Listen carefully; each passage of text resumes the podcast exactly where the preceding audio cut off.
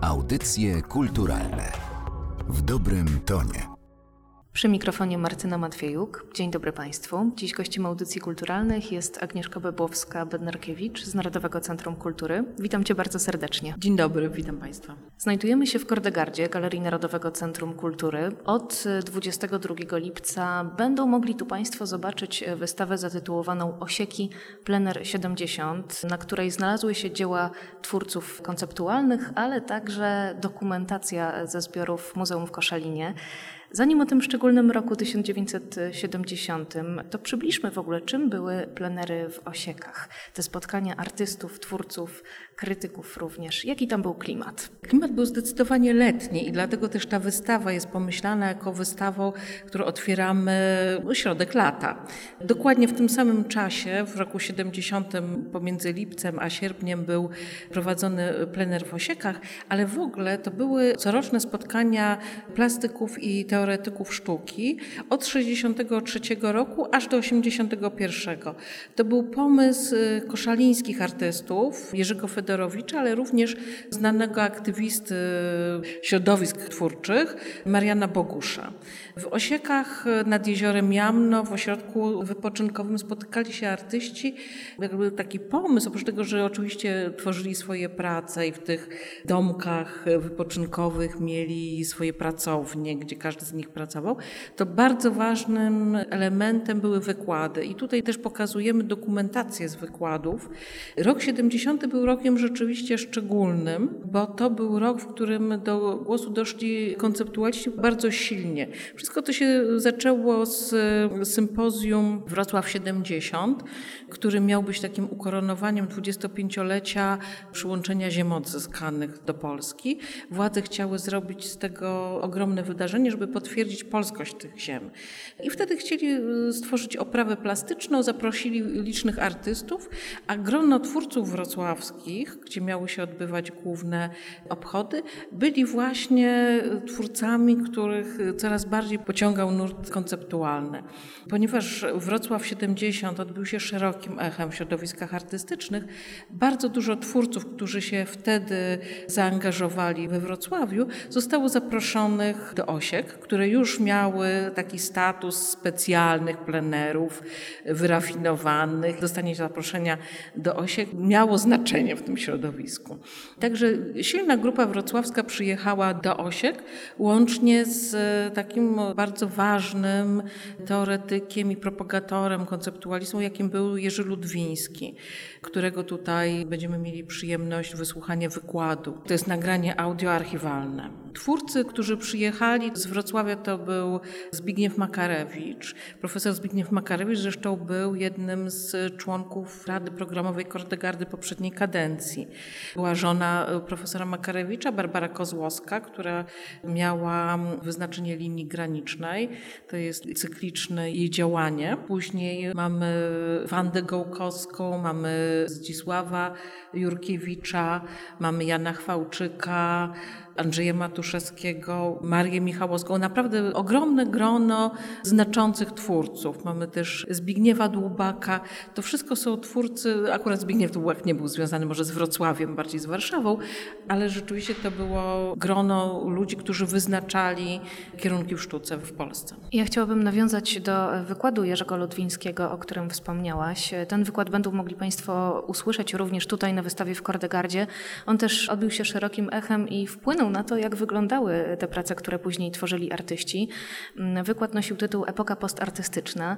Czym dla Jerzego Ludwińskiego była sztuka w tej epoce postartystycznej, jak to nazwał, i dokąd ona miała zmierzać? Sztuka miała być bardziej pomysłem, konceptem, jakby to, co zostaje po działaniu artystycznym, było wtórne w stosunku do myśli. To była też taka pewnego rodzaju postawa, myślenie o sztuce, aranżacje, działanie, mniej obiekt. Dlatego te obiekty, które się tutaj znajdują, mogą też e, jakby dziwić i być nie do końca jasne, ponieważ one rzeczywiście powstawały na skutek różnego rodzaju wewnętrznych rozmów, sporów i oddziaływań poszczególnych artystów. Często też ta sztuka, o której mówił Ludwiński, on nazywał też sztuką niemożliwą. Sztuką, która nie może albo musi zaistnieć tylko w myśli. To nie jest takie proste.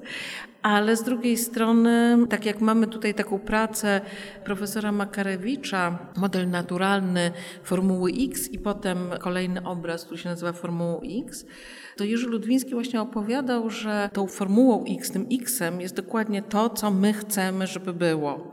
Także jest tutaj też nieskrępowana wolność myśli, wolność postaw, wolność artystyczna, co dla mnie jest istotne, dlatego że czas, w którym twórcy tworzyli, rok 70., to był głęboki PRL. To było tuż po 68 roku, gdzie jakby ta mała stabilizacja lat 60. została gwałtownie odarta z iluzji. Więc oni doskonale wiedzieli, że sytuacja, w której oni istnieją, jest sytuacją opresyjną. I wolność artystyczna, którą oni postulowali, wolność myśli, była też wolnością poza układem. Czyli sztuka konceptualna to przede wszystkim idea, to odejście od roli przedmiotu. Tak jak powiedziałaś, niełatwo jest zrozumieć tę pracę bez kontekstu. Plener Osieki 70 odbywał się pod hasłem propozycje. Zerknijmy na to, jakie propozycje właśnie mieli artyści. Temat propozycji wymyślił e, Ryszard Siennicki, jeden z koszalińskich artystów. Mamy tutaj też dwa piękne zdjęcia Ryszarda Siennickiego, autorstwa pani Wiesławy Rolkę, ale również mamy jego pracę poplenerową, którą zostawił nam. Natomiast te propozycje rzeczywiście są bardzo ciekawe ciekawe. Mamy propozycję Wandy Gołkowskiej, Jana Chwałczyka, Marczyńskiego i Zdzisława Jurkiewicza między innymi, który proponował, żeby plener w Osiekach był konfrontacją różnych postaw, oraz o zaproszenie różnych rodzajów krytyków. Oczywiście na pierwszym miejscu był Jerzy Ludwiński, natomiast proponował, żeby artyści byli wraz z naukowcami. I jednym z naukowców, co szczególnie w tym roku mocno wybrzmiewał, był Stanisław Lem. Może on bardziej zresztą był traktowany przez Jurkiewicza jako artysta. Tego nie wiem. W każdym razie na pewno myślenie lemoskie fascynowało Jurkiewicza, a dla nas, dla Narodowego Centrum Kultury jest to szczególnie ważne w roku, w którym czcimy rocznice lemoskie i w którym stworzyliśmy dziedziniec kultury pod hasłem Lemisja. Przy okazji zaprosimy Państwa na dzisiejszy koncert, który odbędzie się na dziedzińcu kultury. Małe instrumenty zagrają tam specjalny materiał inspirowany twórczością twórczością Lema, ale my powróćmy do Kordegardy, na naszą wystawę Osieki Plener 70. Przyglądam się tej dokumentacji fotograficznej i to mi wygląda na całkiem niezłe zamieszanie twórcze. Znaczy, rzeczywiście takie duże zdjęcia, które tutaj mamy, to jest wystawa poplenerowa. Także to też jest takie połączenie czasów, dlatego że prace, które my pokazujemy, są właśnie pracami po plenerze. A tutaj mamy wystawę poplenerową. Tworzymy jakąś taką ogromną klamrę, 51-letnią, ponieważ tyle czasu upłynęło. I to spojrzenie z naszej perspektywy jest też bardzo ciekawe. Jak Państwo zobaczą te zdjęcia, pokazujemy dom wczasowy, a wszystko teraz oglądamy z perspektywy XVIII-wiecznej architektury, który się okazuje, że to bardzo dobrze ze sobą również gra. Natomiast jest to jakaś nowa wartość, takie nasze spojrzenie właśnie po 51 latach na te działania artystyczne. Myślę, że one rzeczywiście zmieniły myślenie o sztuce i też myślenie o sztuce w Polsce. Także myślę, że warto zobaczyć nie tylko te postawy, które tutaj udokumentowaliśmy, całą historię, nawet taką bardzo przyziemną osiek, dlatego że proponujemy też spojrzenie na preliminarz kosztów wszystkich tutaj działań. Nawet e, na liście płac jest kelnerka. Ale myślę, że to, co jest najważniejsze, ten czas, ten rok 70 wpłynął na nasze myślenie o sztuce oraz to, że my nie myślimy już o obiekcie sztuki jako o czymś oczywistym, że mamy jakby przyzwolenie i otwartość na performance, na działania, na coś, co jest sztuką, a jednocześnie nie pozostawia po sobie obiektu.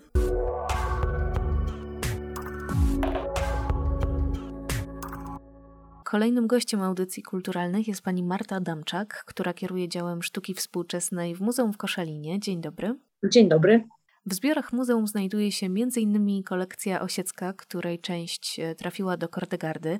Plenery osieckie odbywały się między 1963 a 1981 rokiem. Za ich sprawą powstało wiele dzieł reprezentujących różne dziedziny sztuki. O jak dużej kolekcji mówimy? To jest taki temat też dosyć ciekawy, dlatego że przy okazji tworzenia katalogu kolekcji osieckiej, który został wydany przez Muzeum w Koszalinie w 2018 roku i właściwie to takie moje dziecko służbowe, można powiedzieć, bo ja się bardzo starałam przez kilkanaście lat, żeby powstał taki katalog. Naliczyliśmy około 600 obiektów. Natomiast sprawa jest o tyle ciekawa, że ta kolekcja nie jest zamknięta, dlatego że założenie Fedorowicza i Bogusza było od 63 roku, właściwie od 62, kiedy zaczęli tworzyć całą ideę powstania tych plenerów, a właściwie plenery, te spotkania miały być początkiem dla nowego Muzeum Sztuki Nowoczesnej, które miało powstać w Koszalinie. To muzeum docelowo nie powstało, natomiast takie było założenie, że artysta po udziale w takich spotkaniach powinien przekazać jedną pracę do tej tworzącej się kolekcji. Wiadomo, że byli artyści bardziej i mniej płodni i tak się zdarzyło, że zazwyczaj oddawali jedną pracę, dwie prace, a kilka wracało z nimi do domu, czy gdzieś się dostawały do innych rąk. I my teraz takie prace pozyskujemy czasami. I to jest ciekawostka, że ta kolekcja nie jest homogeniczna, ona nie jest zamknięta. Nie można jej hermetycznie do puszki wsadzić i powiedzieć, że to już jest koniec dlatego że ja dzięki współpracy z na przykład z Ireneuszem Pierzgalskim, nieodżałowanym naszym artystą, który naprawdę fantastyczne prace my mamy w kolekcji w ogóle Ireneusza Pierzgalskiego, on podarował nam cztery czy pięć prac, z tego dwie z osiek. Więc się okazało, że nam się ta kolekcja powiększa. Dlatego dla mnie to ważne było, żeby w katalogu, zresztą ja katalog przygotowałam sobie, żeby to pokazać, bo to jest taka dosyć obszerna książka, bardzo ciężka i bardzo duża, ale moim zamiarem było to, żeby pokazać wszystko, co powstało w Osiekach. I nie wartościowaliśmy tego w żaden sposób. Nie ocenialiśmy, że jedne prace są lepsze, drugie gorsze, tych nie pokazujemy. Te są takie akademickie, a te są awangardowe i dlatego dla mnie tak ważne były podpisy pod każdą pracą. I pod każdą pracą jest adnotacja. Czy ta praca została po plenerze, czy ta praca została zakupiona w późniejszym terminie z różnych źródeł, bo to i od osób prywatnych, i z aukcji na przykład, czy ta praca została podarowana na przykład przez artystę, czy została podarowana przez osobę prywatną, która była w posiadaniu takiej pracy. To jest około 600 prac. To, co wydaje mi się też e, szczególnie ciekawe, to jest ta rozpiętość czasowa. Prawie 20 lat e, sztuki. To jest chyba dobry przegląd e, tego właśnie, co działo się w tym okresie w sztuce, jak zmieniały się te tendencje i nurty, prawda? Tak, tak, tak, rzeczywiście. Do dziś badacze sztuki uważają te spotkania osieckie za takie przełomowe rzeczywiście w sztuce polskiej, a ja uważam, że my mając te kolekcje w całości w dziale sztuki współczesnej w Muzeum w Koszalinie, jesteśmy posiadaczami naprawdę niezwykłego skarbu i to jest bardzo znacząca kolekcja. I to podkreślają właściwie wszyscy historycy sztuki, że rzadko się zdarza, żeby taka kolekcja była w całości gdzieś w jednym miejscu zdeponowana. A nawiązując jeszcze do kolekcji w Kordegardzie, rok 1970, bardzo szczególny jeśli chodzi o plenery osieckie, jak by Pani określiła to, co wyróżnia te prace? Jeżeli mówimy w ogóle o spotkaniach osieckich i badamy jakby takie przeróżne zjawiska, które się tam działy, to ja myślę, że należałoby wspomnieć kilka tych plenerów. I to był na pewno 63 rok, kiedy to wszystko się zawiązało i to był bardzo płodny, fantastyczne było to spotkanie. Potem na pewno 67, kiedy był panoramiczny happening Kantora, i też dużo różnych takich ciekawych rzeczy się działo. I ten rok 70., który jest, uważam, jednym z takich najważniejszych, a potem 81. Dlatego ja zawsze wymieniam ten rok 70 jako jeden z właściwie najważniejszych plenerów osieckich. Wtedy działo się dużo akcji artystycznych.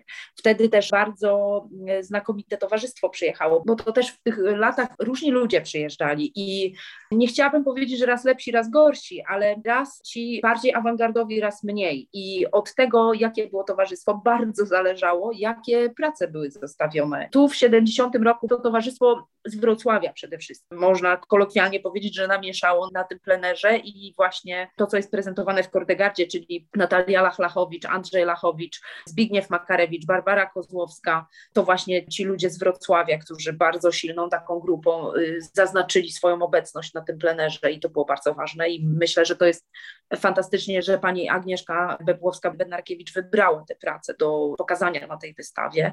Plus jeszcze z tego, co pamiętam, to będzie praca Ziemskiego, tak, który też był częstym gościem na plenerach i rzeczywiście te prace są fantastyczne. My mamy super zbiór Jana Ziemskiego u nas w Koszalinie. Ryszard Siednicki jeszcze się tam pojawi w, w tym zestawieniu. To nasz Koszaliński, znakomity w ogóle artysta, który był bardzo wszechstronny. Od y, plakatów do kina, które projektował w ówczesnym Wojewódzkim Domu Kultury w Koszalinie, poprzez karykatury, rysuneczki, malarstwo takie bardziej naturalistyczne, karykatury, satyrki, takie rzeczy wykonywał, ale w momencie, kiedy pojawiał się w Osiekach, stawiał na właśnie ten awangardowy duch i mamy kilka rzeczywiście takich prac, które są niezwykłe w jego wykonaniu. A ta praca jeszcze ciekawa, o której chciałam powiedzieć, to na pewno Barbary Grobelnej. Praca jak praca, ale dokumentacja do tej pracy jest niezwykła, bo tam będą prezentowane zdjęcia. Chyba to, co najważniejsze, dokumentacja, którą my też mamy w dziale i jak ja zaczęłam pracę w 2006 roku w Muzeum w Koszalinie, to postanowiłam ją, w pierwszej kolejności postanowiłam wszystko zeskanować, bo stwierdziłam, że y, nie możemy dopuścić do zniknięcia tych rzeczy, bo niektóre dokumenty pisane przez kalkę, taką kopiującą, niebieską czy czarną, już zaczynają się rozmywać, wiadomo, od pierwszego pleneru to już jest no 60 lat prawie, tak? Czyli to już jest zamierzchła historia. I część tej dokumentacji była prezentowana, też przygotowałam wydawnictwo Awangarda w plenerze pod redakcją Ryszarda Ziarkiewicza, w której miło mi było napisać jeden z rozdziałów na temat akcji, tych efemerycznych sytuacji, po których często nie, nie ma nic, zostaje tylko dokumentacja, czasem jedno zdjęcie, czasami jedna wzmianka i starałam się to właściwie odnaleźć, wyczytać, odnaleźć w korespondencjach artystów, żeby jak najszerzej czytelnikowi przekazać to, co się działo w latach 63-81 na tych plenerach. Zarówno dzieła artystyczne, jak i dokumentację fotograficzną znajdą Państwo na wystawie zatytułowanej Osieki Plener 70, która do 22 sierpnia potrwa w Kordegardzie, Galerii Narodowego Centrum Kultury. O tej wystawie mówiła dziś kuratorka Agnieszka Bebłowska-Bednarkiewicz, a o całej kolekcji osieckiej również pani Marta Adamczak z Muzeum w Koszalinie. Bardzo dziękuję. Bardzo dziękuję za spotkanie. Audycje kulturalne w dobrym tonie.